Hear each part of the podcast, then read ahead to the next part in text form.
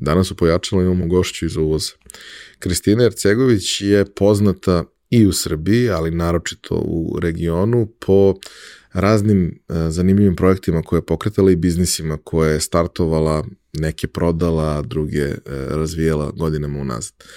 Mnogi od vas je znaju po fenomenu biznis kafea koji se razvija u regionu prethodnih desetak godina, a neke dame sigurno znaju po drugom fenomenu i zajednici koju je razvijala poznatom pod nazivom Žene i novac.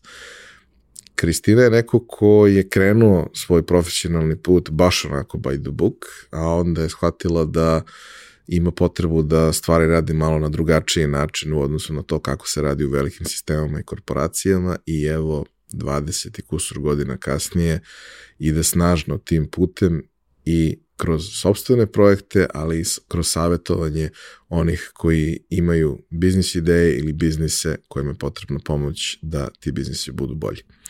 Uživajte u našem razgovoru.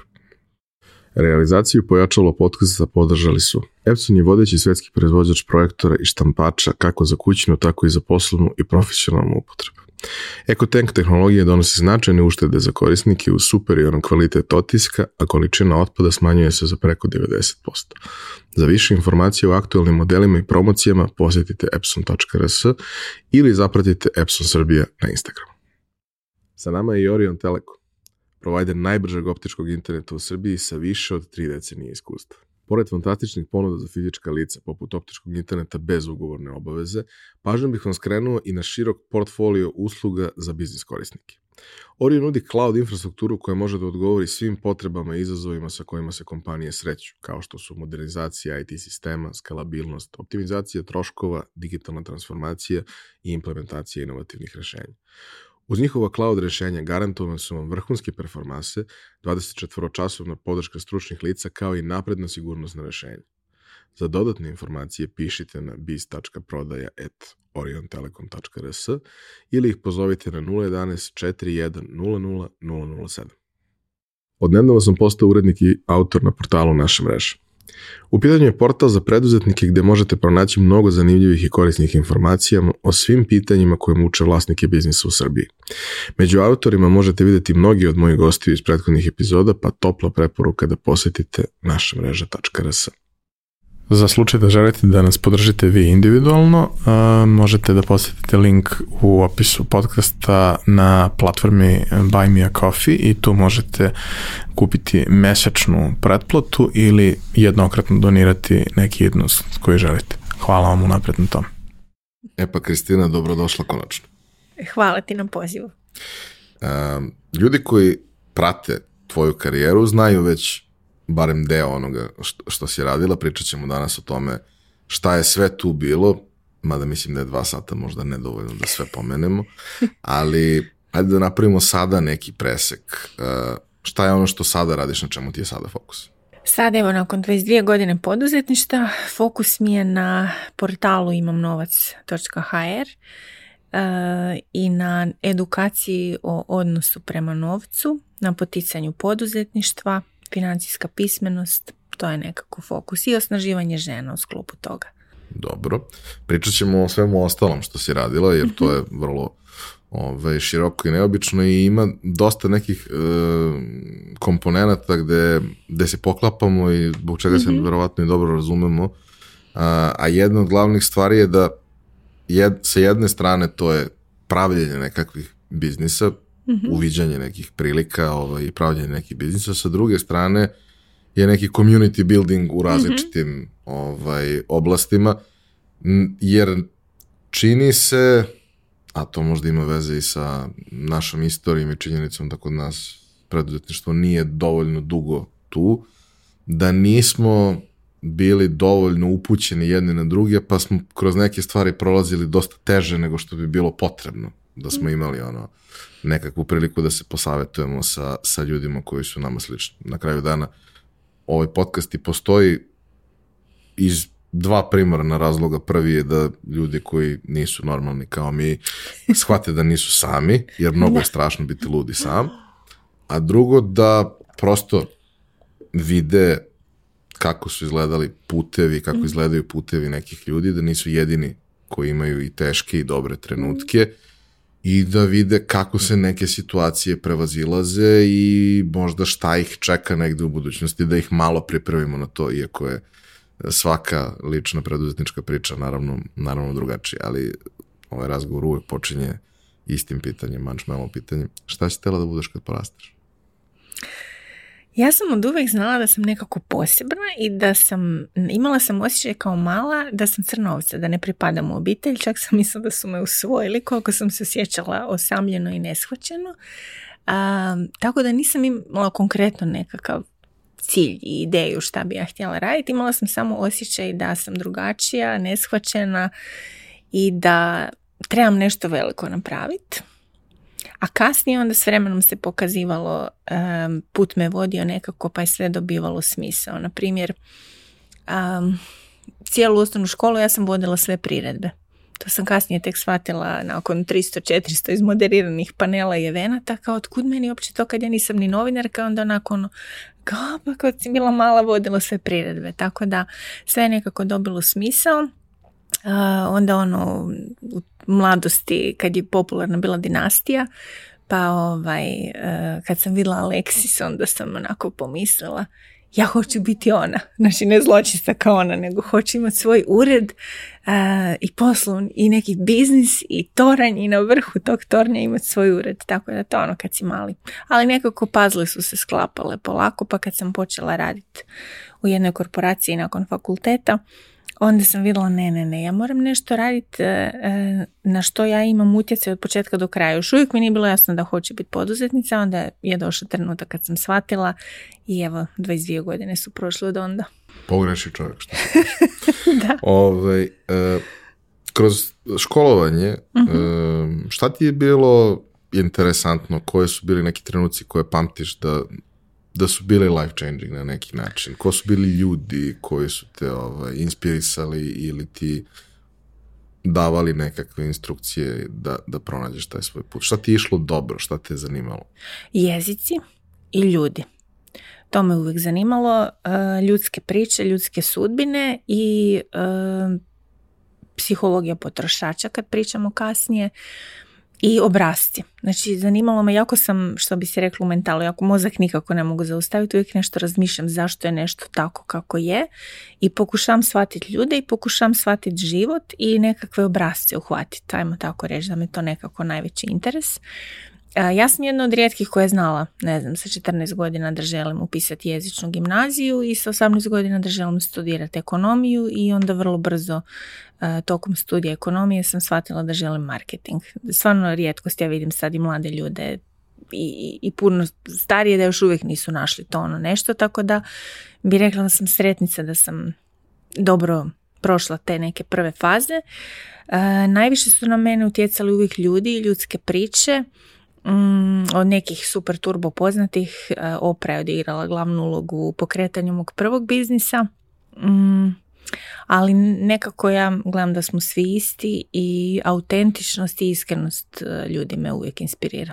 A što se tiče fakulteta, mhm. ovaj, to je ono prvi trenutak kad se stvarno nečim ozbiljnim da. bavimo u životu. Sve ovo pre toga, ja zaista smatram da za ono, ljude koji imaju kapacitet i djecu koji imaju kapacitet ni osnovna ni srednja škola, mhm. nisu preterano veliki poduhvat sad. Zavisi uh od profesora, od svega, ali Mhm. Manje više svako to može da završi bez nekih većih problema. Ali fakultet sad podrazumeva dosta neke ozbiljnije stvari, iako jeste i to devolviralo prethodnih decenija sa privatnim fakultetima i sniženim kriterijumima i bolonjom i tako dalje, ali prosto tu se prvi put srećeš sa nekim obimnim stvarima, sa nekim zaista kompleksnim stvarima koje, koje mhm. treba razumeti, sa tim da možda u nekim slučajevima te kompleksne stvari nema ko da ti objasni na način koji je razumljiv ili da najkomplikovaniju stvar na svetu ti fantastičan profesor objasni na jako jednostavan način. Takođe na fakultetu uh, vrlo često ima 85% onoga što nas apsolutno ne zanima i 10 ili 15% onoga što, što nas zanima. Kako je to u tvom slučaju bilo? Pa ja kad gledam unazad, e, prvo, znači, došla sam na fakultet koji me je zanimao. E, jedna mala duhovita anegdota dok sam čekala u redu. Znači, teško se bilo onda u ono vrijeme upisati na ekonomiju, jako je bilo puno zainteresiranih. Ja sam normalno upala i čekala sam u redu da dobijem indeks i dvije kolegice, studentice prije mene komentirale su kao, joj, dobili smo tog i tog profesora iz statistike, pa kako ćemo to proći? naša ono, kao jedna je zabrinuta priča s drugom. I ova druga kaže, ajde bogati, pa nismo došle studirati, došli smo se udati. Ja onako, ono, molim, ono u mom mozgu, kako to misliš, ja sam došla, ja samo sa sobom razgovaram, ali ja sam došla studirati na stranu što sam se ja udala pri kraju fakulteta, ali o tom potom to te život uvijek malo šamari da ti pokaže je li. Ali uglavnom ja sam e, htjela to studirati, ali gledamo, gledano unazad ono što je najveći benefit je možda nekih deset ključnih rečenica koje sam zapamtila s fakulteta i primijenila u poslu i zaradila na tih deset rečenica i networking. Danas su moji kolege neki sa fakulteta na vodećim pozicijama. Tako da Mislim da. je taj networking jako bitan. A što se tiče, da kažem, tog nekog puta u okviru samog fakulteta, mm-hmm. taj neki prvi period dok je to opšte, mhm. pa onda usmerenja koje mhm. imaš u okviru fakulteta, ono, ti si znala tačno šta hoćeš, što baš i nije uobičajno, uglavnom se pronalaze tu, ali šta su ti bile posebno ono, zanimljive stvari? Marketing. Marketing opet u duhu e, ponašanja potrošača i nekakve psihologije ljudi, e, to me nekako najviše zanimalo. Mm, na prvoj godini smo normalno imali svi ono iste predmete, onda na drugoj smo birali hoćemo makroekonomiju ili mikroekonomiju, tu sam otišla naravno u mikroekonomiju, na trećoj godini smo birali smjer. Prvi dan, prvi sat na smjeru došao je e, profesor i rekao prvu rečenicu, marketing je sve, sve je marketing i ja sam usjetila, na pravom sam mjestu, dobro sam odabrala.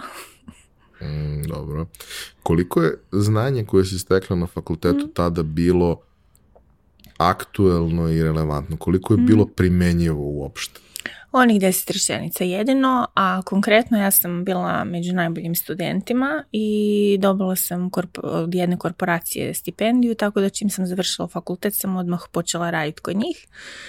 I došla sam onako nadobudna, naš, kao ja imam super ocjene, ja sve znam, kao što, jeli, dođemo svi u tim godinama.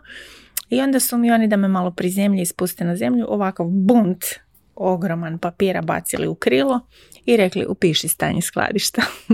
Tako da je to bio onako jedan reality check. Vrlo brzo je uveden SAP sustav ovaj, u toj firmi i vrlo brzo sam ja napredovala i otišla raditi vani godinu dana u dvije zemlje po šest mjeseci.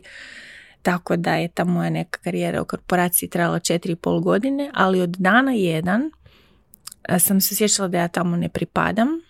Prvo sam onako bila u šoku iznenađena pa kao ajde budem ja nešto pa da bar odradim ovaj dio koji moram radi stipendije pa mi se pružila prilika da odem van i sva, nekako sam pokušala izvući maksimum iz te situacije, ali od dana jedan sam znala da to nije za mene i da tad je počeo rasti taj osjećaj iznutra da ja želim nešto na što mogu utjecati od početka do kraja i onda sam vrlo brzo shvatila da želim nešto svoje. Dobro, ali šta ti je taj rad u korporaciji doneo kao nekakvo iskustvo i neki benefit mm koji imaš i danas? standardizacija poslovanja, e, pravila procedure. Konkretno ja sam radila u nabavi i poslali su me i da idem u školu kvalitete i dobila sam jedno od zaduženja da napišem pravila i procedure za naš odjel. Tad mi se to činilo kao najgluplja stvar koja mi se mogla dogoditi, međutim to je bilo upravo ključ mog prvog poduzetničkog pothvata jer sam ja od početka dok sam još sjedila, samo sama u blagavonici za stolom kuhinskim postavila pravila u toj svojoj prvoj firmi. Kasnije se to pokazalo kao ključ jer sam uspjela napraviti nakon 8 godina da firma funkcionira i raste bez mene, a nakon 10 godina sam ju uspjela prodat po principu cash and carry, znači novi vlasnik je vidio da firma kompletno posluje bez mene, platio cijenu i ja sam otišla. Hm, dobro. šta još donosi ovaj, rad u jednom sistemu koji mm funkcioniš u više zemalja, gdje imaš priliku prvi put mhm. da se u jednom poslovnom okruženju, mhm. realnom poslovnom okruženju susretneš sa različitim kulturama i da radiš na nekim tržištima ili sarađuješ sa tržištima da, koje su potpuno drugačije. Je, i dok sam radila normalno u Hrvatskoj sam, baš kako sam radila u strateškoj nabavi, je, imala prilike raditi sa svima od Indije, Italije nadalje i koristiti tri jezika koja sam tad odlično govorila upravo to, multikulturalne sredine, eh, veća empatija, prihvaćanje ljudi, veće razumijevanje, nekako evo. Imala sam prilike zadovoljiti onu svoju znatiželju kako se ljudi ponašaju i ono što s današnje perspektive ja zovem korporativne igre i igrice. Game of Thrones. da, da, da. Što ovaj, u poduzetništvu? Ja, ja više imam pristup kao i ti, no bullshit i nazovemo stvari svojim imenom. I onak, meni to jednostavno nije, nisam zapošljiva u korporaciji, ajmo to tako nazvat. Poštujem da je to nečiji izbor i ne možemo svi imati svoj biznis i statistike pokazuju da oko 3 do 5% ljudi jesu za poduzetnike i to su recimo to tako dva svijeta, kompletno različite, jedni trebamo druge i jedni možemo učiti od drugih, ali ja sam definitivno za, za ovu drugu stranu. Kako si odlučila da, da izađeš iz jedne konforne Zone, priče da, i da, da. napraviš nešto svoje? Pa bila je stvarno jako komforna, znači ja sam imala eh, već tada sa pol godine staža, menadžerski ugovor, bonuse, baš onako fini paket. Šta se dogodilo? Ja sam u mladosti e, dobila skoliozu i roditelji mi nisu sa 16 godina htjeli potpisati da idem na operaciju, pa sam morala to kasnije. Kad sam bila punoljetna sam se prijavila na listu čekanja, kako je zdravstvo od uvijek bilo učinkovito. Ja sam na red došla sa 23 godine i onda, e, odnosno sa 23 su me primili na listu i onda sam došla, baš došla, došla na red e, na operaciju. Nisam bila hitna, jeli hitni su ovi mlađi slučajevi sa 26. I nakon znači, operacije skolioze, operacije kičme, šest tjedana sam se oporavljala i za vrijeme tog oporavka bila sam tri tjedna u bolnici, tri tjedna kući. Dok sam bila kući nisam mogla ništa raditi nego ležati i gledati televiziju i oprašao sam gledala i u jednoj epizodi je bila emisija, znači bila posvećena tajnim kupcima, mystery šoperima kao zanimanju koje znači, ljudi idu okolo i kupuju i za to bivaju plaćeni. Ime ja, pazi, ja tad imam 26 godina žensko, ono kao jaj, ono get paid to shop, a plaćen si da kupuješ, putuješ i jedeš po restoranima. Znači posao i snova. Ja se dignem iz kreveta i krenem istraživati po internetu i vidim par agencija za istraživanje tržišta da nude posao tajnog kupca i nadobudno nazovem svaku i prijavim se i zovem, ono, niko mi se ne javlja danima i onda sam jednu po, jednu, po jednu agenciju nazvala i rekli su mi svi, ma, to mi tek toliko imamo u ponudi, ono, kao metodu istraživanja tržišta, ali zapravo to niko ne traži. I mene je osjećaj iznutra mi nije dao mira. Ja sam dalje išla onda istraživati i vidjela sam da postoje u svijetu specijalizirane mystery shopping agencije i da je to jedan vrlo rastući, brzo rastući segment jer kvaliteta usluge je komparativna prednost. Znači danas, a onda tek prije 20 godina se tek počelo o tome pričati, a danas je to vidljivije, da manje više su isti proizvodi na tržištu uh, po istim ili sličnim cijenama, sve, sve je vrlo slično i ono što nas razlikuje je upravo usluga ljudi.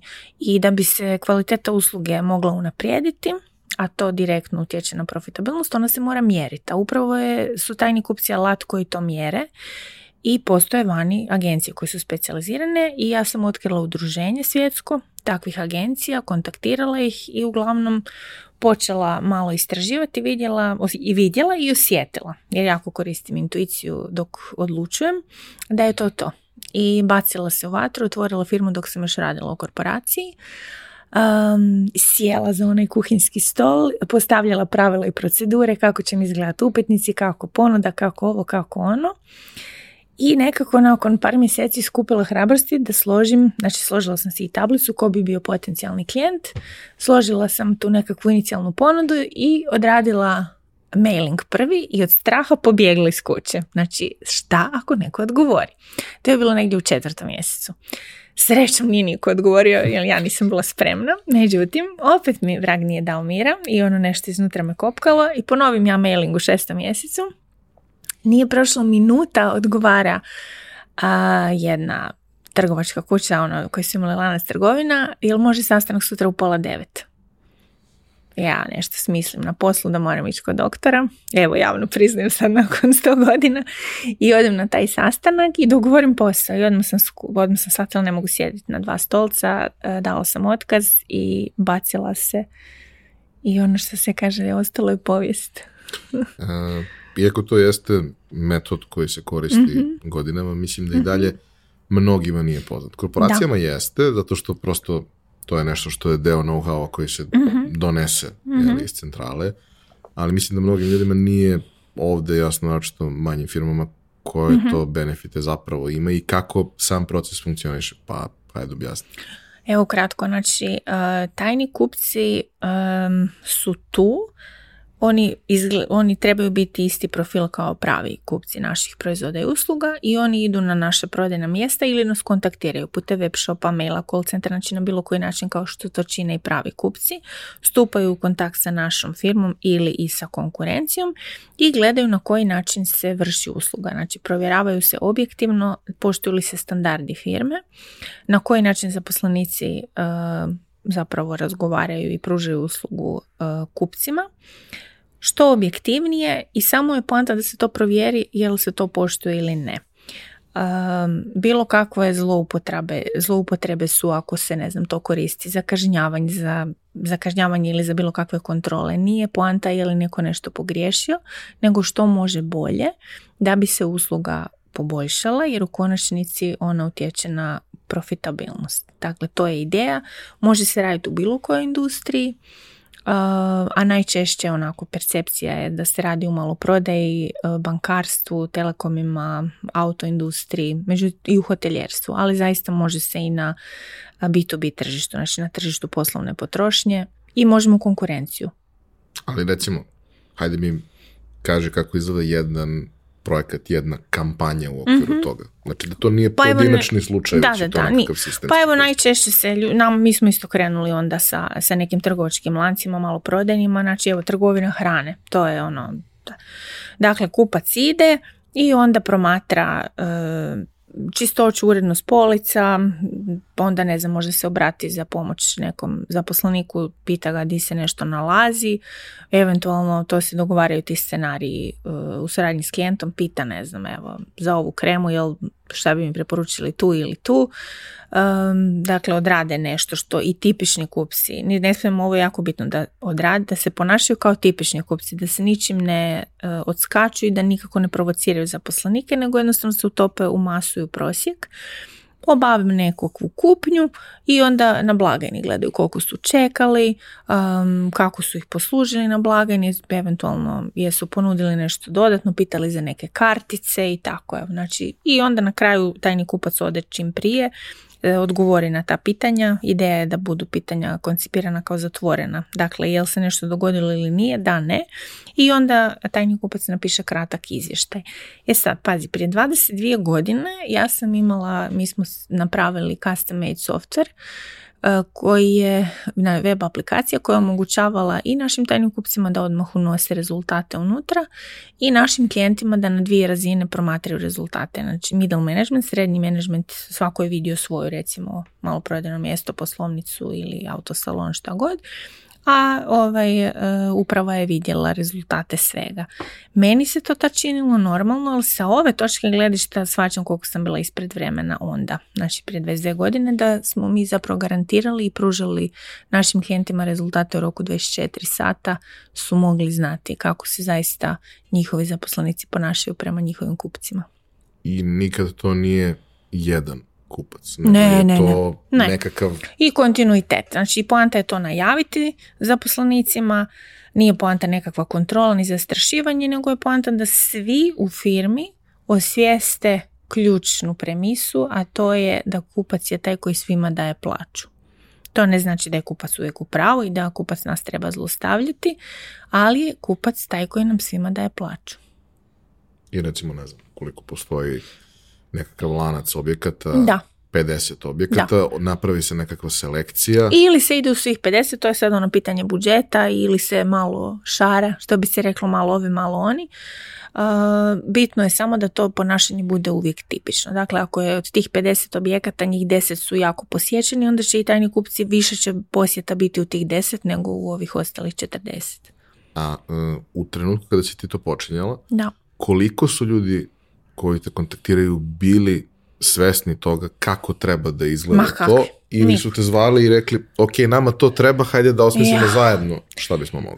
ja sam prvo, za prvo klijenta sam ti objasnila kako sam ga dobila. Prve novce koje sam zaradila sam sjela i otišla u London na međunarodnu konferenciju i upoznala kolege koji se bave time godinama iz cijelog svijeta. Od njih sam učila, s njima sam razminjivala iskustva što mi je pomoglo naravno da onda prenosim ta znanja e, u Hrvatsku. Imala sam svakakvih e, upita, što iz neznanja, što nemoralnih upita, znači ono, što nezakonitih upita, svega sam imala, ali sam srećom ja znala šta je ispravno i šta nije pa smo onda znali kome i čemu reći da, kome i čemu ne. Bilo je teško jer sam zapravo ja imala dva zadatka. Graditi biznis, bili smo prvi, Prvi ne kronološki, nego prvi smo postali u očima potrošača, što je ključno. To je jedna od onih deset rečenica s fakulteta. Um, I bilo je teško zapravo istovremeno educirati tržište i graditi profitabilan biznis. Morala sam educirati i još odmah sam bila u spotlightu javnosti.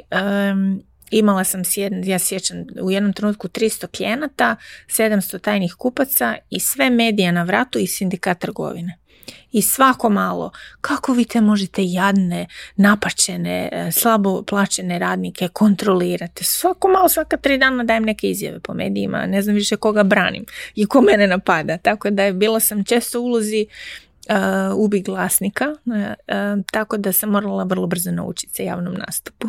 A kaže mi taj deo ovaj, sazrevanja mhm. tržišta koji se desio mhm. kroz određeni broj godina. Mhm. Kad kažeš bilo je upita koji su bili nemoralni, nelegalni i sve ostalo. Ne moramo da pričamo o ekstremnim primjerima, ali mhm. na koji način je postojalo nerazumevanje i kako, ste, kako si ga rešila? ja sam rekla ne. Da, da, da. Ja sam jednostavno takvim upitima rekla ne, a kako sam cijelo vrijeme, kažem, bila u medijima, gradili smo nekakav pozitivan imidž i PR i klijenti su nam dolazili sami od sebe, plus i kad nisu, onda smo mi kreirali neka naša neovisna istraživanja koja smo puštali onda u medije na taj način dizali e, potražnju i interes i organizirali smo jedan svoj vlastiti event gdje smo zvali klijente da podijele svoje iskustva i na taj način smo, ajmo reći, prodavali pa smo si mogli dozvoliti onda da svima i svemu što ne želimo kažemo ne. Um, pa evo ti konkretan primjer nekog nemoralnog upita. E, da li vi možete poslati e, tajne goste da dođu u jedan noći na recepciju hotela i da se ujutro dignu, ne znam, u šest prije doručka i da pokušaju otići bez da su platili? A, onda to bi bilo i nemoralno. Onda nezakonito od nas su očekivali recimo da mi e, prijavljujemo gdje se prodaje ilegalni softver ili tako nešto. To mi smo mogli uh, e, odigrati ulogu tajnog kupca, ali na sudu ne možemo svjedočiti tome, ali onda smo u takve neke objasnili smo klijentu pa je onda on za te druge stvari angažirao ljude koji mogu onda na sudu dati izjavu koja ima smisla, ali tajni kupci ne. Tako da, svega je bilo. Mm, Ljudi su vrlo, na, na, Balkanu su vrlo inovativni. Klijenti imaju svakako je upita. Još se nabila ona mlada i žensko i nadobudna, tako da svašta mi je padalo na pamet. A kaži mi, koliko je bilo tih u, u početku koji su shvatili mhm. da je to nešto što treba da bude kontinuirana stvar, a ne one-off? Mhm. Pa ključnu ulogu je odigrao jedan od naših klijenata ako mogu spomenuti eh, eh, Konzum koji je tad imao eh, vrhunskog menadžera koji je pokušavao napraviti od njih još bolji brand koji ugledali su se na Tesco u svom poslovanju, a Tesco je koristio redovno između ostalog i mystery shopping, tako da oni su nam, dosta su oni onda utjecali na percepciju drugih. Tako da smo onda od tih nekih ili domaćih i onda neke internacionalne kompanije koje su to radile vani, pa su dolazili na hrvatsko tržište, su onda počeli raditi kod nas, tako da to su bili nekakvi počeci. A sjećam se situacija apropo ovog biti ispred vremena. Došla sam u jednu domaću firmu i sad ja pričam. I nudim vam rezultate unutar 24 sata, putem weba možete sve vidjeti online. I vidim, onako naš, osjetiš atmosferu čudnu u prostoriji. Ja se onako krenem malo lijevo desno, nikog nema kompjuter. I kaže meni vlasnik, jel možemo mi dobiti printan izvještaj? ja kažem, može. Onda može. Tako da, ovaj, da izgradila sam se, morala sam naučiti onda naravno sve i prodavati i sve. I što ti to nije bilo dovoljno? Ne, bilo mi super. Ali negdje nakon e, šest godina sam počela osjećati naznake prvog burnouta. Rekla sam ti 300 klijenata, 700 tajnih kupaca i pritisak medija i sindikata. Malo mi je bilo onako... Ja možda ima nešto malo manje intenzivno, ali ok. tad sam prvi put poželjela prodati firmu i onda su se pojavili nekakvi čak i lažni upiti. Znači jedna firma inozemna je e, odlično odglumila potencijalno kupca za nas. Izvukli su iz mene dosta podataka i na kraju krenuli sami. Međutim, baš smo uspjeli dobar brend napraviti, ni, ništa nas nije Ništa nije poljuljalo, agencija i danas posluje vodeća i prva, otkad već 10-12 godina nije u mom vlasništvu, znači dobro je postavljena.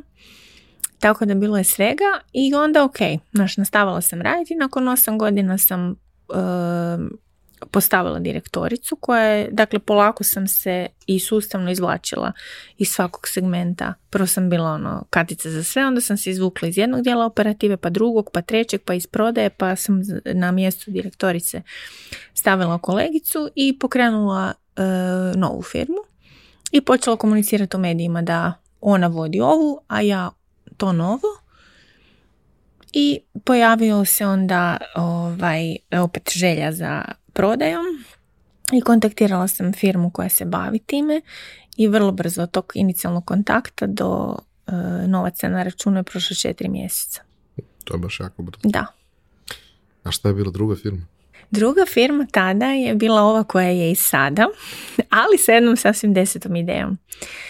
E, kako sam, jako puno sam putovala po svijetu i na jednom putovanju, bila sam na jednom retritu koji je trajao sedam dana Uglavnom, ja sam došla sa idejom kako bi mogla ja na zemlji koju sam očekivala da ću je naslijediti u Dalmaciji um, napraviti nešto što sam ja nazvala Change Your Life Resort kao mjesto za drugačiji odmor.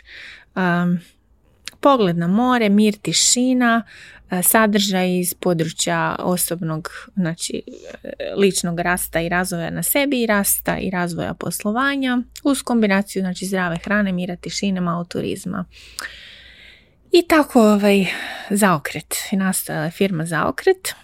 Međutim, prvo su krenuli moji osobni zaokreti. Ništa od tog Change Life Resorta ni dan danas. I život mi se raspao doslovcem. Um, razvela sam se preko noći, umrla mi je baka koju sam, koja je bila centralna figura u mom životu.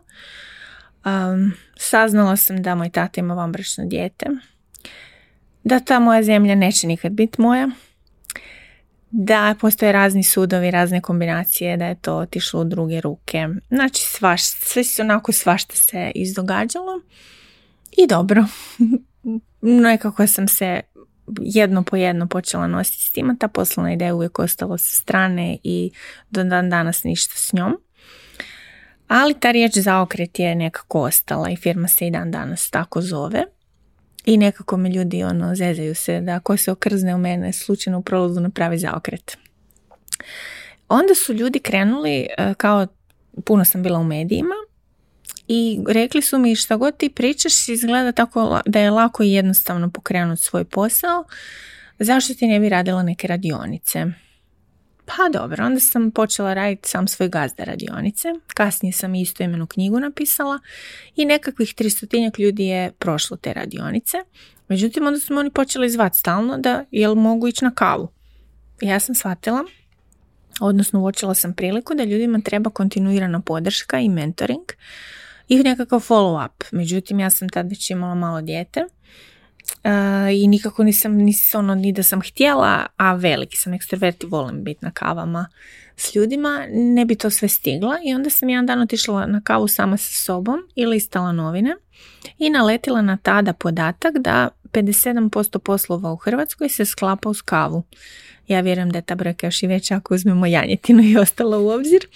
I sad ja onako kava biznis, kava biznis, meni se mota po glavi i dođe onako pa biznis kafe. Ja ću organizirati nešto da svi ti ljudi idu na kave međusobno i da kao meni sjašu s vrata, jeli?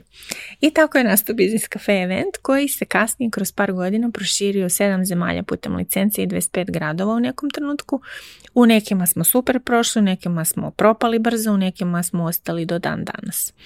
Tako da to je bilo. Znači prvo radionice sam svoj gazda, kasnije bildanje biznisa, radionice za one koji su shvatili putem da su robovi svog posla, pa ih ja e, učim ono što i znam teoretske i što sam uspjela sama više puta, da se izvučeš od operative i da napraviš, postaviš posao tako da on može prvo funkcionirati bez tebe, onda rast bez tebe i da ga prodaš ako to želiš. Znači to sam isto napravila par puta.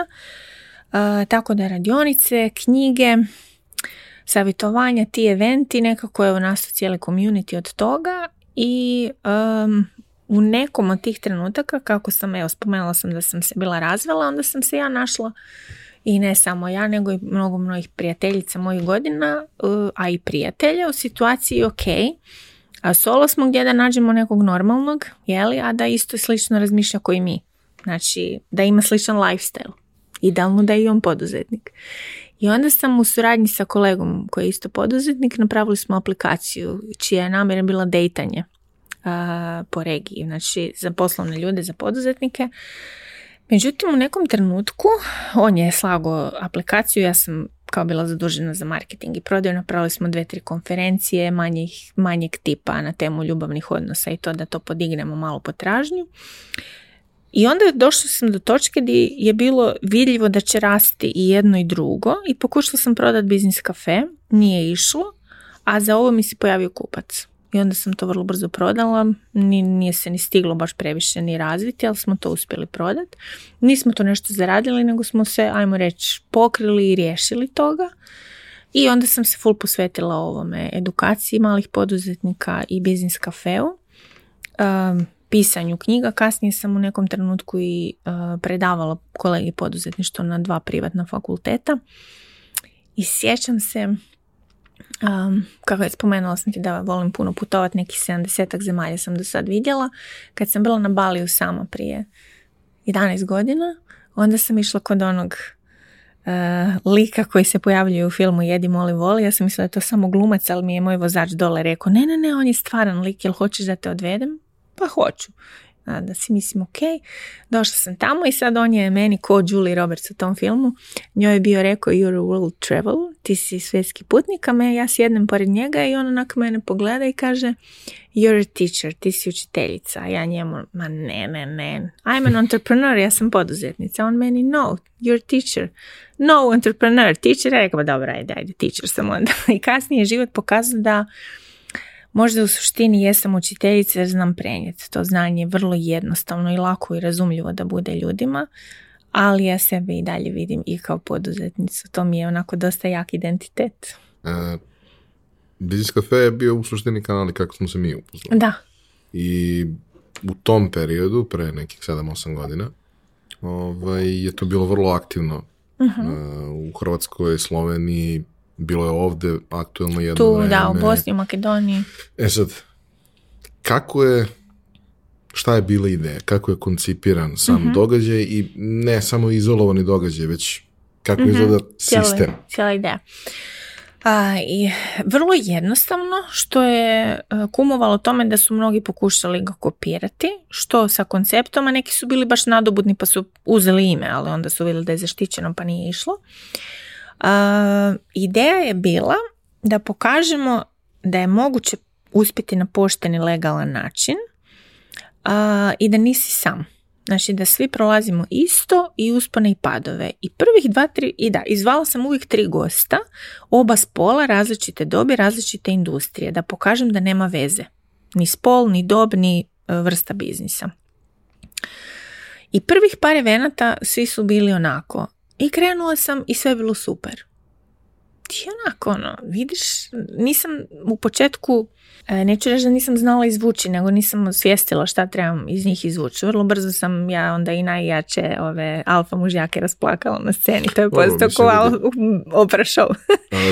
zašto si imala problem, zašto ljudi sa ovih prostora posebno ne žara da podele bilo kakvu e, vrstu slabosti i greške. E, ali onda kako sam to s primjerom sam promijenila. Znači ja sam krenula govoriti o svim svojim greškama i slabostima i stvarno je postao reality show. I onda je i valjda je njima bilo glupo da samo ja kažem što sam sve pogriješila pa su krenuli i oni. Tako da je posjećenost bila uvijek luda, ono preko 150 ljudi.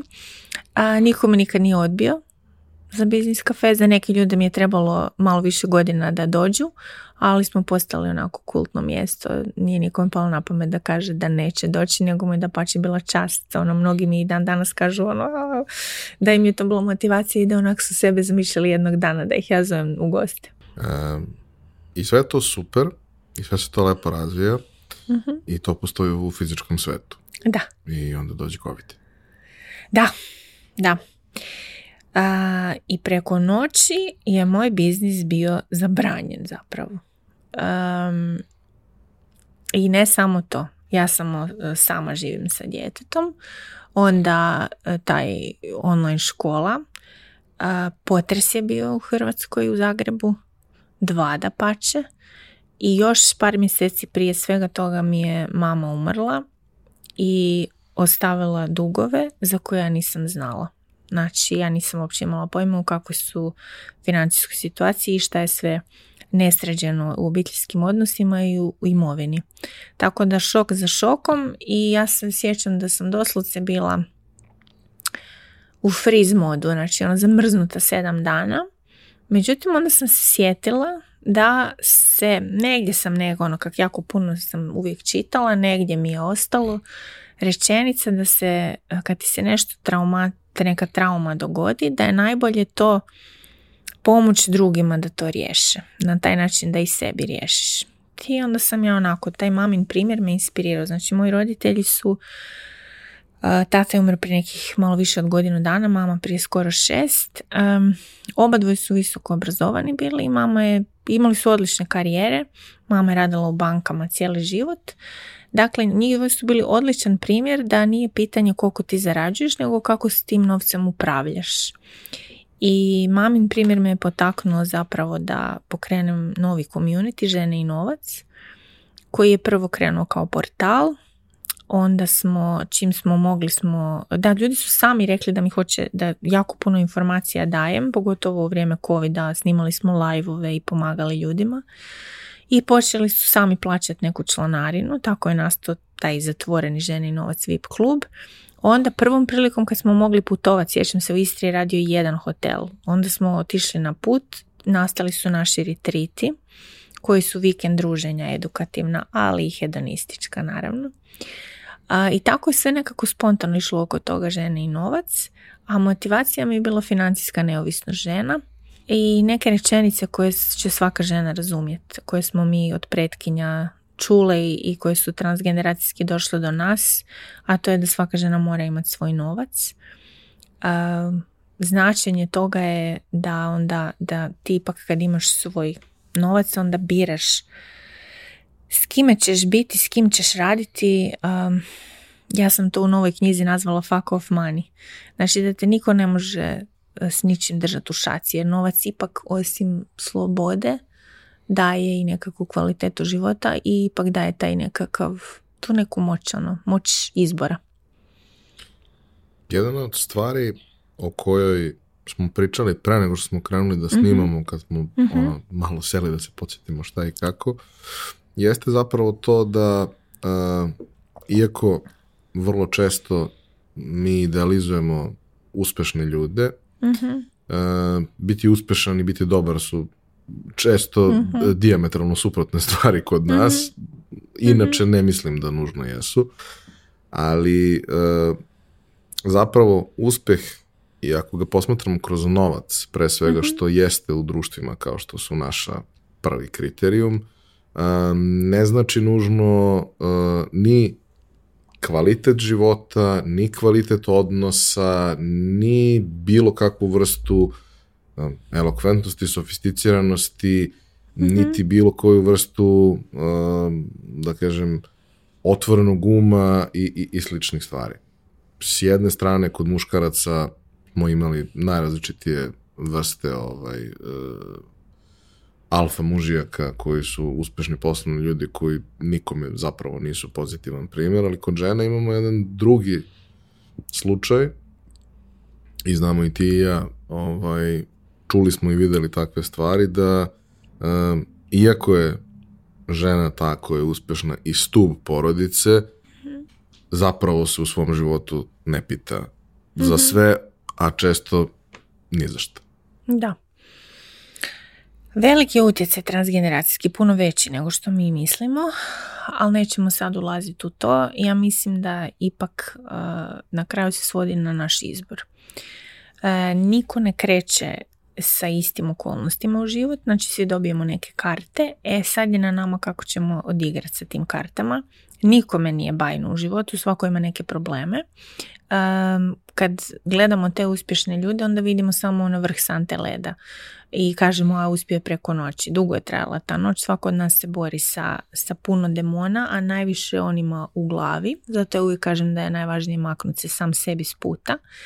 Mislim da si spomenuo nešto važno što možda još, još trebamo naglasiti novac je ovdje mjerilo uspjeha ne samo ovdje nego u cijelom svijetu zapadnom u tom kapitalizmu i potrošačkom društvu, međutim ne smije biti jedina mjera uspjeha. Za mene je najveća mjera uspjeha kvaliteta života i slobodno vrijeme. Znači, imam li ja vremena živjeti život e, kako želim, provoditi svoje vrijeme sa onim s kojim želim, s kojom osobom želim i raditi ono što zaista želim jako malo ljudi koji i jesu poduzetnici nemaju više, oni su ono što sam ti rekla, robovi svog posla.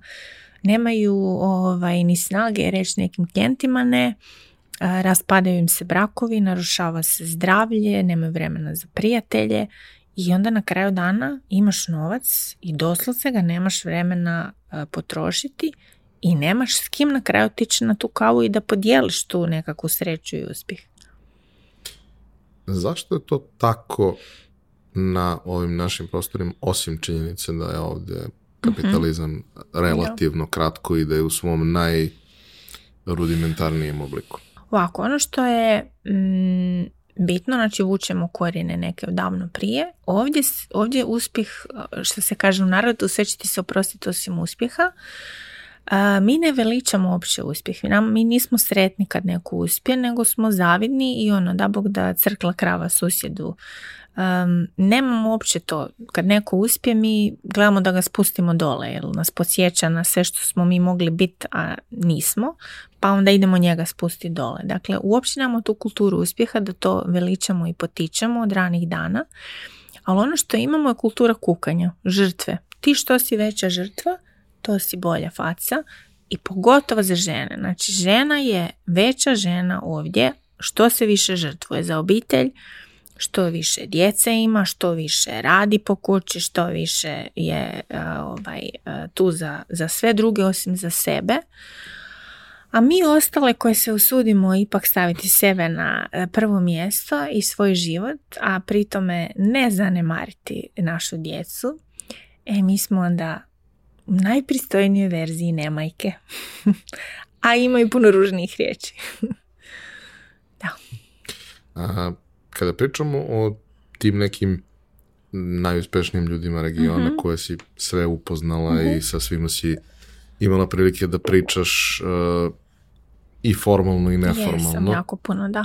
Um, neću da te pitam ko su mm najzanimljiviji, ali šta si na, na neki način šta si videla kod onih pozitivnih primjera, šta bi izdvojila i šta si videla kod onih negativnih primjera, odnosno onoga što ti smatraš da nije dobar uzor? Kod svih sam vidjela da su ljudi i da svako ima neku masku. onda nisi upoznala sve. svako ima neku masku. Nisam, nisam upoznala sve naravno, odnosno na biznis kafejima sam nastojala zvati, sigurno sam pogriješila nekad, ali sam nastojala zvati one koji su uspjeli sami na pošteni legalan način. A među njima sam vidjela veliku ljudskost, jednostavnost um, i želju da podijele svoje znanje i da pomognu drugima. Ono što je jako bitno, ja mislim i kod Business Cafe i kod tvog podcasta i kod sličnih stvari gdje pričamo o uspješnim pričama su dvije teme. Jedna je da pričamo što više i o pogreškama, da ljudi ne misle ovaj, da su to bajke, a druga je jako važna stvar i vezano za ono što sam rekla da život nam podijeli neke karte, nemamo svi iste startne pozicije i bilo bi dobro za sve gledatelje i slušatelje ovakvih e, i podcasta i razno raznih sličnih evenata i emisija da se ne koncentriraju na pojedinačne priče nego da pokušaju uloviti obrazce i da od tih obrazaca onda uče jer kažem ja nisam imala istu startnu poziciju kao možda neka druga žena a imala sam roditelje koji su me podržavali u smislu da su uložili u moju edukaciju bila sam odlična učenica u osnovnoj, srednjoj na fakultetu, pa sam dobila stipendiju, pa mi je to otvorilo neka vrata. Znači imala sam neka vrata otvorena. neka koja možda, otvorila? Neka sam, mnoga sam, najviše sam sama otvorila. Naravno, neka vrata imaš otvorena, neka zatvorena i neke stvari dobiješ kao što dobiješ od obitelji ovako iznenađenja i dugove i svašta nešto nesređeno kao ja, ali sam dobila i neke osobine koje su ključne. Znači, moj djed je preživio četiri godine u drugom svjetskom ratu u Auschwitzu, u logoru. I ta ustrajnost i sve to mislim da je prešlo i na mene. A to nikad ne odustajanje. I želja za životom. Um, I ta upornost. Znači, ono, no matter what. Ja kad je meni najteže, onda meni to bude inspiracija. Ja se sjetim ako je on mogao preživjeti to, onda šta se ja sad žalim na nešto što je ano, ništa usporedni prema logoru. A kada si pričala sa tim ljudima, šta su njima bile najvažnije stvari koje su želili da podeli? A, svi su rekli da im novac nije bio motiv, dakle vraćamo se na ključnu stvar, pričamo o ljudima koji su krenuli iz neke svoje strasti i uspjeli na pošten i legalan način. A, strast ih je vodila, ljubav prema tome, želja da stvore nešto iz ničega i da ostave trag. Tako i to su i, moje vrijednosti i moje neke motivacije, doprinos. Meni je uvijek bio doprinos važniji nego dokazivanje. Tako da to su nekakve ono stvari koje su se ponavljale. Ili što bi rekli niko nije normalan. Meni, meni jednom dnevno neko kaže da sam luda. Ako mi slučajno neko zaboravi to spomenuti, onda me moj najdraži e, sin koji je sad tineđer, Luka, kaže mama ti si preluda. e, ja se često šalim na račun toga, mada nisam siguran više ni koliko je to šala, koliko je poluzbilja, ali ono, kad kažeš normalno, normalno je ono što je uobičajeno, ono što je uobičajeno nije ono o čemu mi pričamo. Da. Znači, jel racionalno gledano, ukoliko racionalizuješ svaku od tih stvari, mhm ona je prosječnom čovjeku besmislena. Jer mhm. zašto bi ti gurao zid mm kada možeš da se okreneš na drugu stranu i odeš na drugu, ali to što tebi treba je tačno iza tog zida i ti guraš taj zid dok ga ne probiješ. Da. I to je ono, e, jedan problem ovaj, svako ko je preduzetnika išao na psihoterapiju zna otprilike kako izgleda prvi put diskusija sa terapeutom o tom problemu. Kao, e, ali kao, zar, zar vam nije vi ste pametan čovjek ili žena, zar vam nije jasno da nakon toliko pokušaja i truda i svega, treba da odustanete od nečega. I ti pogledaš i kažeš, pa da, ali sve dobre stvari koje su se desile, su se desile kad ja nisam odustao od nečega što je bilo suludo. da, moja psihoterapeutkinja je isto poduzetnica, pa nemamo te razgovore. Ovako, na temu odustajanja, ja mislim da je možda prevelik značaj e, dat tome, ono, nemoj nikad odustati. Mislim da treba znati kada odustati. Ja sam imala, e, svake godine imam neke failove u poslu, a prošle godine smo imali, ne znam, drugo izdanje financijskog planera. Bez veze, uopće nije rasprodano. Tako da, ono, ima tih manjih failova, ima skupljih i većih failova, ali nekako ja se tu dosta vodim intuicijom da vidim kad treba stati, kad treba odmoriti, možda i odustati. Biznis kafe sam pauzirala na godinu i pol, pa smo ga opet digli krajem prošle godine. Znači, nekako mislim da trebamo malo više pričati o tome da ta ustrajnost ne znači da ideš uh, do, do granice ludila, nego da budeš uporan na svome putu, a to, to puno puta znači i da odustaneš od nekih pojedinačnih dijelova na tom putu, ali da ne odustaneš, ja bih rekla, od ceste kojom ideš. Um, vratit ću te na priču o biznis kafe mhm. malo kasnije, ono što sad hoću da, da, da prođemo je um, u kom trenutku i koji bi bio pravi motiv mhm. da nešto što, što imaš, što radiš, što mhm. te ispunjava i zanimljivo ti je, prodaš mm Ovako, ja sam za prvi biznis kad sam ga pokretala mislila da je to to. Do kraja života. Ono, bajka. To je ljubav do kraja života. Poslovna ljubav do kraja života. Međutim, e, mi se mijenjamo. To je, to je razlog što se mi mijenjamo i e, putem shvatiš da su ti možda da neke stvari prerasteš i dobivaš neke nove interese, nova znanja i počinješ onda sa tim novim, novim naočalama, ajmo to tako reći, koji su rezultat rada na sebi, vidjeti neke nove prilike. Tako da meni je možda ta neka znatiželja, e, vidim nove prilike i opet ona ista stara strast i želja da doprinesem i da stvorim nešto iz ničega, to je mene guralo. Ok, ovo sam tu, mislim da sam dala sve, da nemam šta više dati na tu temu, ali ovdje vidim da, u koliko tu toga vidim. To je kod mene. Ok, i to je za pokretanje nove stvari, ali prosto jedna stvar koja koju znam da je bilo problem mnogim ljudima sa kojima mhm. sam pričao, koji su imali mhm. uspešne ili neuspešne pokušaje mhm. prodaje biznisa je koji je trenutak pravi. Odnosno, ako hoćeš da prodaš biznis, eh, da li treba da ono, presečeš sutra i to uradiš ili provedeš neko vreme da mu maksimalno podigneš vrednost i sve ostalo. Prosto šta je neki motiv si mi rekla. Da. E sad, je način, trenutak? Idealni nema idealnog, svakom je neko. Neko će presjeći i reći dosta je, inače ću oboliti i e, brak će mi otići koragu, a neko će reći ok, još uvijek sam zdrav, još uvijek su svi odnosi ok, idem ja vidjeti, to mi više nije to. A neko će početi dolaziti na svoj vlastiti posao sa grčem u želucu. To su prvi znakovi da nešto ne štima, da, da je vrijeme za neke promjene. Kad se prodaje firma? Idealno malo prije vrhunca. Znači da novi kupac postigne taj rast i sinergiju.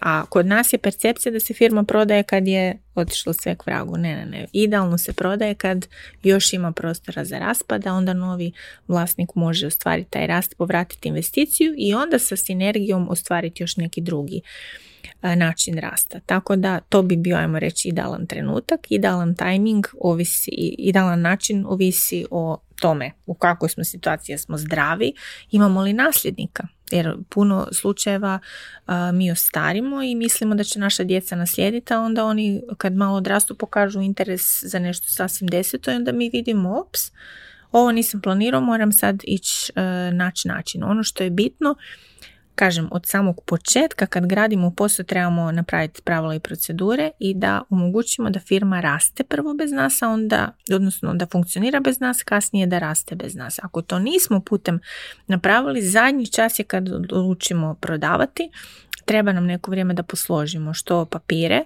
da raščistimo da nemamo ono doma televizore i svašta nešto u u našim papirima, dakle da se vidi što jasnija slika koliko firma zaista je profitabilna ili ne i onda se ulazi u klasičan proces. Međutim, ono što ja vidim sad i u radu kad e, koristim sistemske konstelacije koje sam završila, radim poslovne, e, ono što vidim da je najčešće problem da se ljudi identificiraju sa firmom, nađu oni kupca, nađu oni super i cijenu i sve i puno njih uh, poslije Šta sad? Znači, ko sam ja bez svoje firme? To se pitanje pojavljuje. I šta sad dalje? Dakle, treba novi život izgraditi poslije. A to je malo veći izazov nego prodati firmu. Jedan korak nazad da te vratim. Mhm. Jedna stvar je da ti pripremiš firmu, mm doneseš odluku, pripremiš firmu. Druga stvar je da ti uspeš da je prodaš. Ok, u idealnim okolnostima ti mhm. ćeš imati nekoliko ljudi koji će se sami javiti i mhm. dati ti određene ponude. Ja sam prošao to i mhm. jeste lepo kad se, ne, u mom konkretnom slučaju, sedam različitih firmi, fondova bori za tvoju pažnju, jer ti onda možda postavljaš uslova. Ja sam imao neke svoje kriterijume kako sam birao sa kim želim da idem i u suštini su se sveli na ono, nekakav socijalni program, odnosno razumevanje same stvari i to ko su najbolji ljudi sa kojima sam to mogao da uradim. Najkvalitetniji ljudi kojima ja verujem. Dijeljenje vrijednosti. Jer novac je, novac je mhm. uglavnom bio vrlo sličan, tako da mhm. tu nije bilo neke da. preterane razlike. E sad, to je idealno. Mhm. Kada to što radiš je vrlo interesantno u brzo rastućoj industriji na liderskoj ili do liderskoj poziciji sa potencijalom za nekakav rast kada ljudi sami dolaze. Međutim, ako ti hoćeš da prodaš i nemaš nikog ko je mhm. došao, šta onda? Mi se moramo pomiriti sa činjenicom i da će mnogi biznisi propast a, i da ćemo ih zatvoriti, da nema kupaca. Znači jednostavno je i to opcija. Nije sve ono, kreneš, sve je super, nađeš kupca, sve je super. Ne, to je jako rijetko. Mene često pitaju ljudi ovaj, kao e, dobio sam ponudu, šta da radim, jel da prodam? Ja automatski kažem, to je statistički glavno tako rijetko da sjedni i ozbiljno razmisli. Osim ako nije baš strašno uvredljivo niska i bezobrazna ponuda, prodaj. Jer statistički gledano ovo će ti se jednom, dva puta u životu dogoditi. Tako da nema nekog univerzalnog odgovora i sam si to prošao i ne, neće svi uspjeti prodati firmu, neki će zatvoriti, neki će nekim djeca će zatvoriti. Znači sve, sve, sve opcije su otvorene. Mi koji smo uspjeli prodati firme smo zapravo vrlo rijetki. Ja znam neke slučajeve u kojima je to bilo, da kažem, nekakva interna odluka da treba da se mm desi, onda je firma posložena na, na mhm. pravi način, mada je bila dobra i u osnovi mhm. nije to bio neki preveliki poduhvat i transformacija. I onda, pošto niko nije znao da oni to žele, a nije to baš nešto što sad objaviš na LinkedInu da hoćeš da, prodaš, jeste malo nezgodno, oni su kontaktirali nekoliko najvećih klijenata mhm. i prvo pričali sa njima, oni su svi rekli da nisu zainteresovani da kupe, ali jesu zainteresovani da dugoročno nastave da rade. Super. Što je dosta dobra pozicija i argument za neko za dalje pregovaranje. Kupce, da. I onda su kontaktirali konkurenciju i mhm. pričali sa njima i na kraju su zatvorili ovaj dogovor sa konkurentskom firmom koja je zapravo ispostavit će se bila vrlo zainteresovana i sjajni ljudi za saradnju i sve i što je negdje jako važno svakome ko je napravio nešto ni iz čega. Naravno. Uzeli su tu firmu i podijeli su je na još viši nivo, što ti kada gledaš sa strane, znaš, nije više tvoje, ali, ali ti i dalje drago. To je ono što sam ti ja rekla, ova moja prva firma i dalje posluje na tržištu, vrlo uspješno i dalje su lider. Tako da mi je to uvijek drago vidjeti. Kako ja slavim svoje e, rođendane poduzetništva, ta isti dan ta firma slavi svoje. Tako da je to baš guž gledat. E, A, mi, što se tiče ovaj, samog biznis kafe, mm prošla je korona, ako možemo da kažemo da je prošla, stabilizovala se svakako situacija, mhm. vratili smo se u nekakav, nekakve redovne tokove. E, kako je bilo ponovo oživeti kako si uopšte pristupila tome nakon trenutka kad si odlučila da želiš? Tražili smo rupe, ono kako su se mjere mijenjale svaki put. E, sad 25 ljudi smijete, sad 50, e, sad s maskama, sad bez, sad ovako, sad s onim, potvrdama, cijepljenjima. Svaki event je bio drugčije napravljen. nastavili smo u, u koliko smo mogli.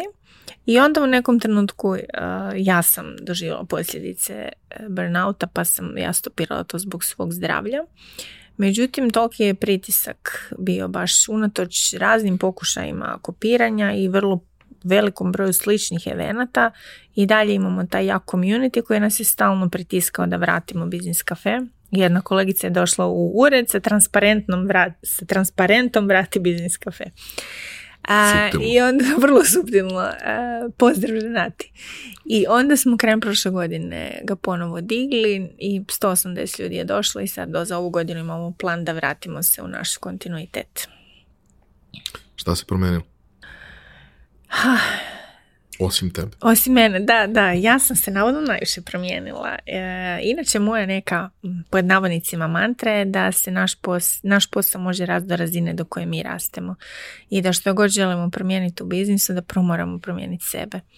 Dakle, ja se jesam promijenila. E, ono što se nije promijenilo i mislim da neće još dugo, ne mogu za ništa reći da nikad neće, potreba. Ljudi žele autentične priče i hoće taj osjećaj da nisu sami, treba im podrška, treba im inspiracija, treba im mentorstvo, community i neki kontinuitet pleme. Kako nam je bio slogan nađi svoje pleme. Nisi ružno pače, nego si samo labud i ono nađi labudove. Biznis kafe je bilo mjesto gdje je labud mogao naći labudove, a ne, ne osjećati se kao ružno pače. Dobro. E, paralelno sa tim razvija se ovo druga zajednica. Da. Koja je Eksplodirao. nastala kao, da kažem, koncept žene i novac. Da. E sad, pomenula se otprilike kako je do toga došlo, ali mhm. ajde malo da, da prođemo ceo taj put. Mm Znači, inspiracija potica je bila ova situacija sa e, maminom smrću i shvaćanjem kako je stanje dugova, imovine, nesređenih obiteljskih odnosa i svega.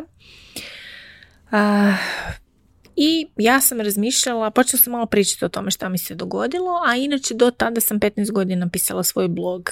I onda sam otišla na ručak sa kolegom koji je odličan poduzetnik, odličan u smislu ima nekoliko firmi i vidi prilike, jako dobro vidi i nas dvoje na ručku i oni razumije to, ajmo reći, žensko pitanje i ja pričam njemu, pa razmišljala sam da na blogu počnem pričati o ovome i on me onako pogleda i kaže ne, mi ćemo ti napraviti portal. Onako, dobro, napravit ćemo ti mi portal za dva tjedna portal ženinovac.com gotov. Ok.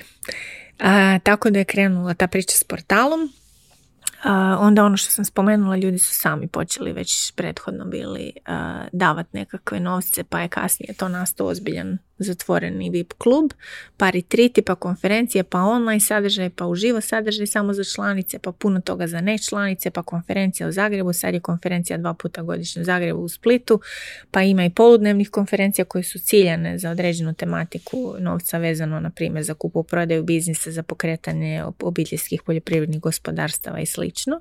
Ali sve je krenulo od toga, eto, ne, ne, mi ćemo ti napraviti portal. Tako da, ovaj, evo, E, muški kolege dao poticaj e, ženi novac priči. I kako sam da razvijao sam community? Jer, mislim, podići sajt danas nije nikakva mudrost i najlepše napravljeni sajt čiji sadržaj nije relevantan, da. neće doći Pa ja, e, ja nekako stalno imam, na, moj, moj face profil je najjači, što god tamo objavim, ono, ide, ne samo u smislu prodaje, nego jako puno ljudi me prati. LinkedIn malo manje, Instagram manje, ali baš nekakav velik utjecaj imam putem Facea kao mreže. Tako da on i dan danas je tu. Nekako je išlo samo i spontano, znači što god sam pričala i napisala otvoreno, nekako se zalijepilo, zakačilo, ljudi su se prepoznali u tome. Pa sam ja otvoreno i bez bullshita počela pričati o raznim temama, o tome kako se žene odriču od nasljedstva, o financijskom nasilju, o problemima naplate alimentacije. Znači sve te neke tabu teme niko ne voli o tome pričati. Onda me često optuže da sam neromantična i da šta se uspoređujem s istokom, da bolje da se uspoređujem sa zapadom. A kad smo kod zapada, evo imam podatak od prošle godine da 38% talijanki nema tekući račun u banci na svoje ime. Tako da situacija je puno lošija nego što mi mislimo da je i mi smo počeli otvoreno progovarati o tim temama, ja konkretno na, na svojim društvenim mrežama i tako mi po mic se žene um, prepoznale u tome, vidjeli su da nisu same, moj inbox je ono, ja se znam šali, draga Kristina. Znaš, ono onaj Dear John, draga Kristina inbox, ali zapravo jako cijenim uh, to što mi ljudi sa povjerenjem ne znamo se, uh, pošalju ono, sve svoje, e, sve što ono intimno pričam i pošalju u inbox i povjere mi se, isto tako uživo mi se vrlo brzo ljudi povjere. Ja mislim da zato što osjete tu autentičnost moju, no bullshit pristup i s druge strane empatiju koju ili imaš ili nemaš, ili jesi dobar čovjek ili nisi, to ne možeš fejkat. Tako da puno ljudi se prepoznalo u tome i ne samo e, žena, nego naš portal od dana jedan prati 40% muškaraca i 60% žena. I zato smo nedavno odlučili rebranding napraviti. E, mojnovac.hr je sad portal. Sve ostaje isto, samo ime je različito. E,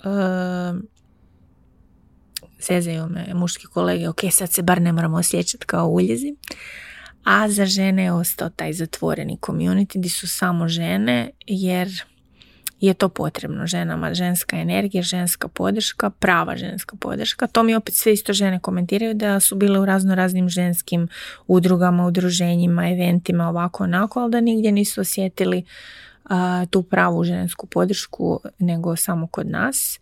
Zašto? Ja mislim da to kreće, ko što se kaže da riba smrdi od glave, da to kreće od uzgora, znači od mene. Ja stvarno podržavam žene, meni je drago kad žena uspije, meni je drago kad mene učenice moje kojima sam ja mentorica nadmaše i ja sam tako, da ću uvijek otvoriti vrata nekoj drugoj ženi i to se onda osjeti. Tako da kod nas e, nema, a kad ima onda to vrlo brzo detektiramo i uklonimo. E, one žene je ženi vuk priče. jedna stvar je napraviti uspešnu zajednicu i u kontinuitetu stvarati dobar sadržaj, relevantan sadržaj za njih. Mhm. Potpuno druga stvar je naći način da to monetizuješ, a da ne uništiš ovo prvo u tom procesu. I to je nešto što, sa čime veliki broj ljudi ima problem. Ukoliko su iz ljubavi i strasti napravili nekakvu zajednicu, kako da tu zajednicu učine svojim poslom, ne mhm. zato što žele da se od toga obogate sa čim isto u principu nemam nikakav problem. Nego da bi zapravo time mogli da se bave onoliko koliko treba i da bi to moglo da bude centralna stvar. Jer ukoliko je hobi, hobi je nešto što nestaje kako život postaje kompleksniji i kako obaveze dolaze. I tu je jako puno pitanja neizrečenih u pozadini i mitova. Znači, ljudi misle da ne možeš zarađivati od onog što voliš. Možeš. Dobro, mislim, mi živimo na, u podneblju gdje je normalno da kad nešto kažeš, da kažeš, prodao Da samo 10% ljudi radi posao koji voli inače. Znači u redu je e, zarađivati od onog što volimo, u redu je naplatiti svoj rad. Mi tu isto na ovim prostorima mislimo da ti je pravi prijatelj, da, da ćeš prijateljima dati besplatno. Ne, pravi prijatelj je onaj koji će kupiti tvoju uslugu i proizvod od koje živiš i platiti punu cijenu, neće te žicat popust. Tako da jako je puno tu, kažem, pitanja, mitova i svega, ali kako naplatiti? Ovako, e da, šta se ljudi još boje? Boje se naplatiti, boje se dići cijene, jer e, misle šta će se dogoditi ako dignem cijenu ili ako počnem naplaćivati, onda nitko neće kupiti, otići će klijenti. Što se u stvarnosti događa? Da, odu ti koji su htjeli džabe i dođu ljudi drugi koji cijene naš radi, Trudi vrijednost. Dakle, suština biznisa je riješiti problem kupcu i dodati vrijednost. Ako mi to uspijemo, e, to će nas pravi kupci prepoznati. Ja sam više puta u više biznisa i na više proizvoda i usluga to doživjela i na vlastitom primjeru i kroz savjetovanja malih poduzetnika što stalno radim i na tuđim primjerima. Kad ti digneš cijenu, dođe druga vrsta kupaca. Da, ovi odu, dođu drugi. Mi sad imamo retreat ovaj, koji vikend košta 1000 evra. Rasprodan je u 48 sati. Došla je totalno druga ekipa nego na prethodne svi su vidjeli rooming listu ko dolazi, svi oduševljeni, imamo još i listu čekanja i neki na toj listi čekanja mole Boga da ove neke neće moći doći da mogu uskočiti. Nama je prekrasno raditi taj retrit jer je tako sve glatko. Sve smo naplatili, sve smo poplaćali, vrhunski predavači dolaze, vrhunski sadržaj nas očekuje, znači sve na nekoj drugoj razini koja podrazumijeva i radost i lakoću. Dok je kad je nešto na nekakvim nižim cijenovnim razinama, ajmo tako reći, zna biti kompliciranije i uz puno natezanja, da se tako izrazim. Ali da bi mogao nešto da prodaš za neki značajan novac, to mhm. prvo mora da ima vrednost. Tako je. A drugo, oni koji to kupe moraju da smatraju da ima Tako vrednost. je, to je upravo to i ti moraš to dokazati godinama, ne preko noći, e, svoj status. Tako da, eto, 22 godine su ipak nešto pokazale da znamo napraviti. Kada mi, e, šta se dešava sa ostalim tvojim idejama? Mhm. Kako biraš čime ćeš se baviti, a čime nećeš? Eh. Kako obuzdaš sebe? Proganjaju me neke ideje, ne mm. daju mi mira. Te koje me najduže proganjaju, ne daju mi da spavam, onda vidim da njih moram izrealizirati. Zadnje je bilo, e, napisala sam šestu knjigu u sedam dana. Nakon našeg Božića mi je došla inspiracija i ja sam jednostavno, ono, to će razumjeti svako ko piše, ti kad dobiješ inspiraciju kod ti neko tu sjedi na ramenu i diktira, ti jednostavno samo zapisuješ. Tako da nisam mogla, recimo, ne realizirati to i od te ideje, od kad je došla inspiracija dan nakon Božića do trenutka kad sam primila knjigu u ruke je prošlo 28 dana. A, tako da, kako biram ideje, evo koje, ove koje mi ne daju da spavam i ne daju mi mira, te idu u realizaciju, što ne znači da su sve te uspjele. Bilo je i tu failova. Ali, ano, to je dio života. To je dio života. Puno više je bilo uspjeha nego eh, pogrešaka ili sam možda sve pogreške malo i ovaj, potisnula pamćenju da se ne traumatiziram. Ono što je važno je da najjeftinije su one pogreške koje platimo novcem. Najskuplje su one koje platimo u zdravlju, a onda malo manje skupe su one u odnosima. Jedna od stvari ovaj, oko smo se čuli pre, pre nekog vremena, pa mi je, pa mi bilo mhm. super interesantno, jeste ovaj, taj moment da kod nas konačno e, počinje da dolazi i da živi ideja o franšizama i franšiziranju, mhm. kod vas više nego kod nas, mhm. ali i kod nas polako. Sa jedne strane ideja da ako imaš kapital, zašto bi smišljao bilo šta kad postoji nešto što radi. vodu kad ima nešto dokazano, da što ne mhm. znači da će da radi ovde, ali mhm. mm, manje su šanse da, mhm. da ne radi i ima mnogo manje koraka na kojima možeš mm da napraviš grešku. A sa druge strane da neki dobri lokalni, regionalni biznisi vide svoju priliku u tome da sebe spakuju na način da mogu da se franšiziraju. Mm Znam da si bila aktivna u tome na, na neki način. Siguran sam da ima ljudi koji ovo slušaju, koji razmišljaju i o jednom i o drugom scenariju, šta bi, šta bi im poručila? Prvo da shvatimo kad kupujemo franšizu šta kupujemo. Kupujemo pogreške tuđe i vrijeme. Znači, neko je već to na, neko je uložio vrijeme i pogriješio i to je lijepo upakirao u proces, standardizirao. Mi to ne moramo. Drugo, statistika uspjeha je u prilog franšiza. 9 od 10 franšiza kad gledamo na svjetskoj razini uspjeva, a kad vlastiti biznis pokrećemo, nakon 5 godina opstaje samo petina, znači 20%, a nakon 10 godina 12% firmi. Tako da nam to ide u prilog. U Hrvatskoj imamo i mogućnost da dobiti nekakve i poticaje i kredite ako kupuješ franšizu. Ne znam kako je tu. E, uglavnom nekako se to stanje razvija se u pozitivnom pravcu, a ako smo mi ti koji imamo biznis, to nam je odličan alat i način da proširimo posao. Znači ne moramo u drugoj državi ići otvarati firmu, zapošljavati ljude, imati ih na plaći, nego prodamo svoj know-how, prodamo svoje greške i vrijeme nekom drugome, ali mu moramo biti podrška i moramo imati dokazani poslovni model kod nas, a ne prodavati mačka u vreći. Tako da je to odlična prilika za rasta sve kreće od ono što smo rekli par puta. Od sjedenja, lijepo i standardiziranja procesa, pravila i procedura, sistema. Sistem, sistem, sistem je ono što zapravo prodajemo, a ono što kupac kupuje, kažem, vrijeme i pogreške. Inače, ne znam, bit će zanimljivo vjerojatno tvojim gledateljima nešto što rijetko ko zna. 94% pogrešaka u biznisu nastaje zbog pogreške u sistemu, a samo 6% je ljudska pogreška. Tako da je jako, jako bitno da sistematiziramo sve što radimo. Jedan od problema koje znam da su se ljudi susretali, a važi u oba slučaja, mhm. jeste to kada ti kupiš franšizu i ona ima sve mhm. isplanirano i rešeno i onda ti kažeš, ali ja bih nešto da promeni. Ili kada neko kupi tvoju franšizu i on hoće nešto da promeni. Nije to nužno loše. Znači, može nastati e, jedna lijepa sinergija. A, može nastati nešto, znači mi prodamo, ne znam, franšizu u zemlju A i on shvati kad je počeo raditi da bi još nešto mogli uvesti i to i onda mi shvatimo pa zašto ne ajmo to uvesti svugdje. Znači ne mora to biti nužno loše to s jedne strane, to nam može biti prilika, a s druge strane može biti jako loše jer može neko pametovati. Mislim, onda se dođeš u situaciju, čeka malo, ako si htio po svome, onda ono, radi po svome, a sad si kupio moje, pa slušaj nas. Tako da može otići u dva smjera, a na nama zapravo visi u kojem ćemo smjeru. E, kao neko koji je bio u kontaktu sa, sa ljudima koji su uradili takve stvari mm-hmm. i franšizirali svoje biznise, um, imao sam ovdje par gostiju koji su, koji su imali tu vrstu iskustava. Ono, jedna od stvari je da e, sve je super dok prva franšiza ne propadne. Da, to jako utječe na druge, a neko mora biti jedna od onih deset. Rekli smo da devet od deset uspjeva.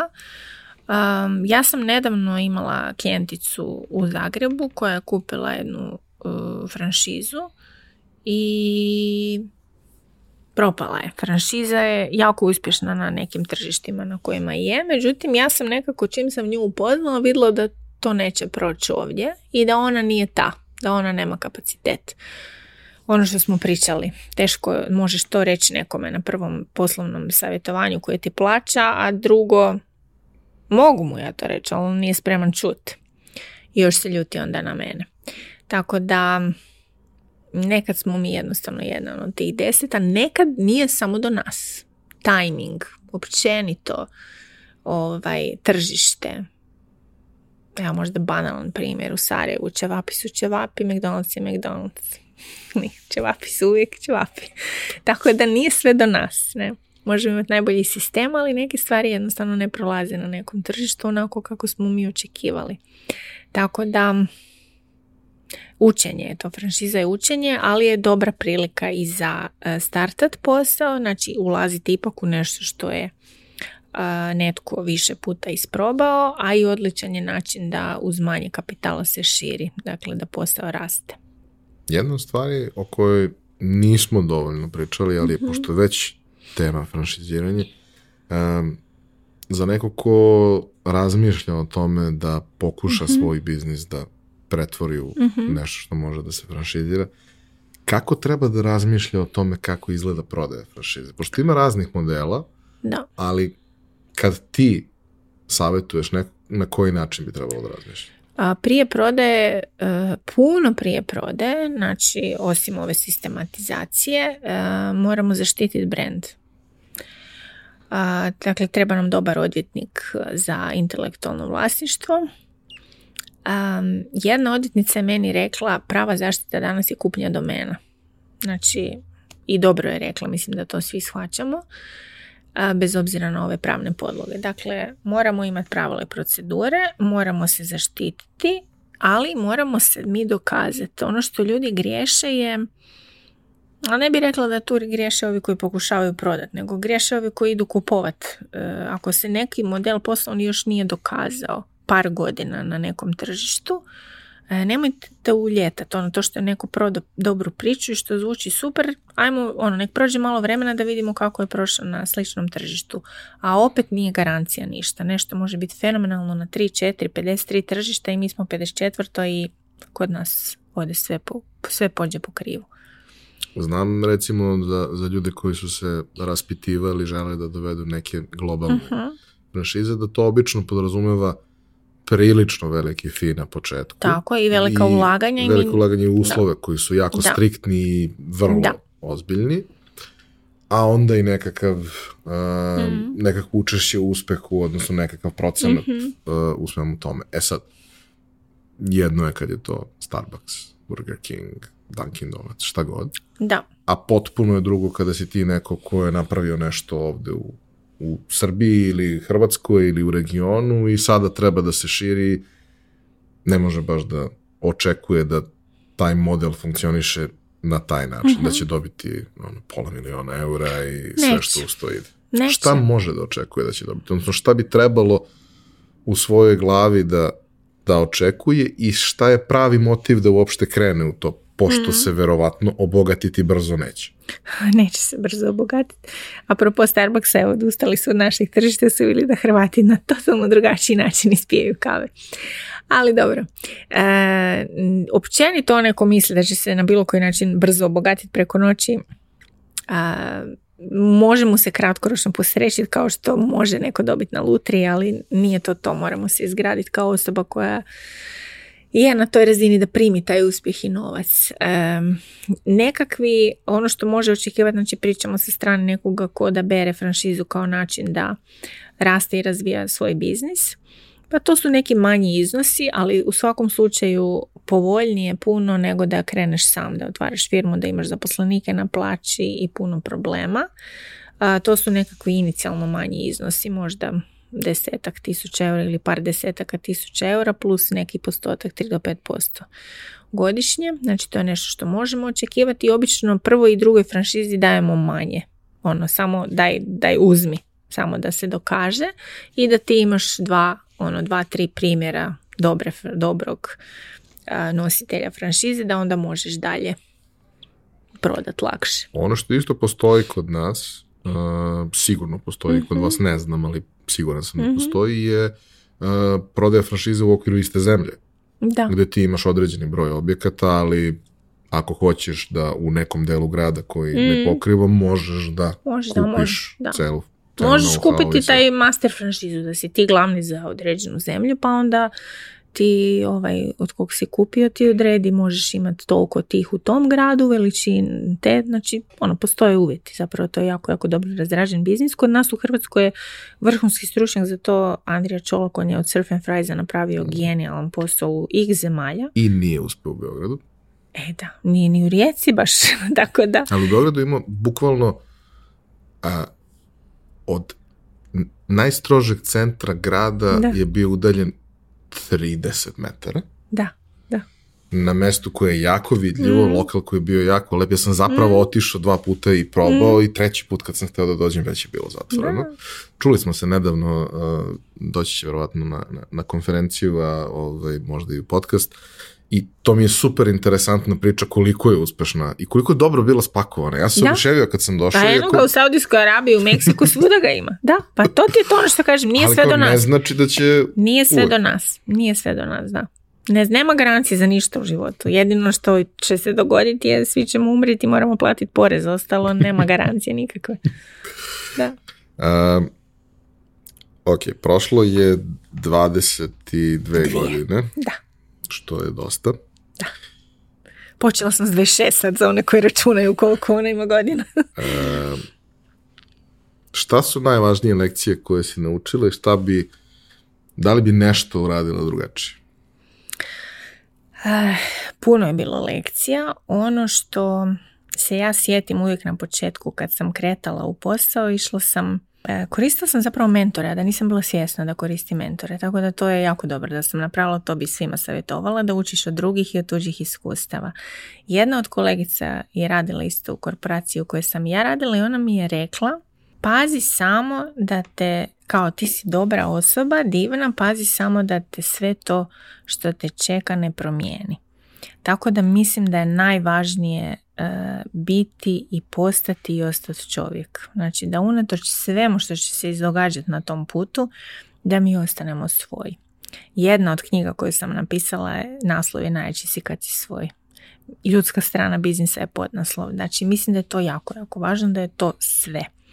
A što bih drugačije napravila?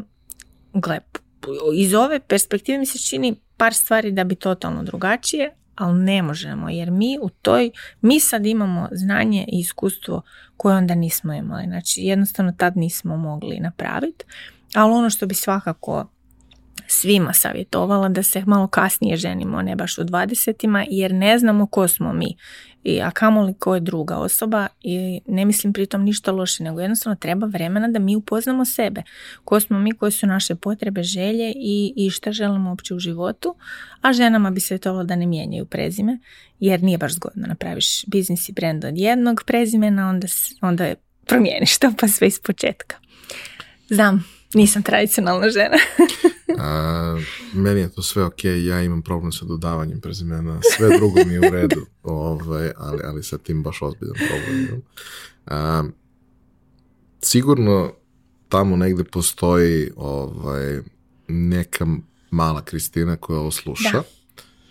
možda nije tako mala, ne mora da bude to da. možda ne mora da bude ni Kristina, možda je da. nije važno. Da ali tvoja priča, e, iako dopadljiva, simpatična i blesava i vrlo poučna, ove, ovaj, kako kaže ono, ako ne mogu da budem pozitivan primjer, mogu da budem strašno upozorenje. E, šta bi njima poručila uzevši u obzir koliko se stvari promijenilo u ovih 22 godine, mm. koliko je sada mnogo toga dostupnije, a koliko je kao posljedica toga što je mnogo toga dostupnije, niko ne zna ništa jer mm. se vodi time da ne moram da znam ništa ako mi je dva klika daleko, a meni se nekako čini da nije poenta u tome koliko je klikova daleko.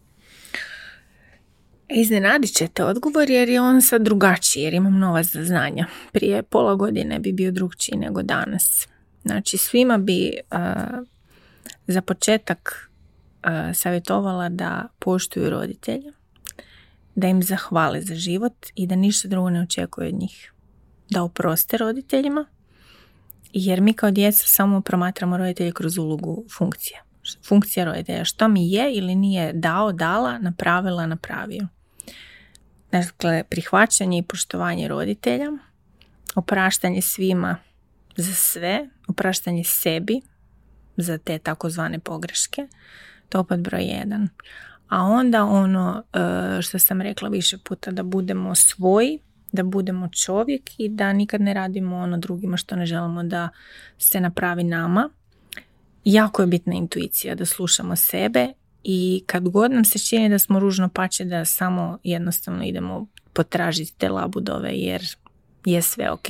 Nismo ludi, nego smo jednostavno drugačiji. Ima još luđaka. Treba naći te svoje luđake koje dijele naše vrijednosti. A kako pronaći hrabrost? A, hrabrost prvo e, imamo je svi, ne moramo je ni pronalaziti, a imamo je svi ako svijestimo pravu definiciju hrabrosti. Mi često mislimo da su hrabri oni ljudi koji se ne boje, ali ne, svi se bojimo. Hrabri su ljudi oni koji poduzmu akciju unatoč tom strahu. Dakle, svi se bojimo, ali ono, mi hrabri poduzimamo akciju. Kako neko da napravi tu promjenu u svojoj glavi? E tu dolazimo do onoga e, kad mene pitaju šta treba za kad kreneš u posao, šta ti treba? Treba ti dobar advokat, treba ti odličan knjigovođa, ali boga mi treba ti i dobar psihoterapeut. Znači trebamo raditi na svojoj glavi, na e, uvjerenjima jer sve vam je to u glavi.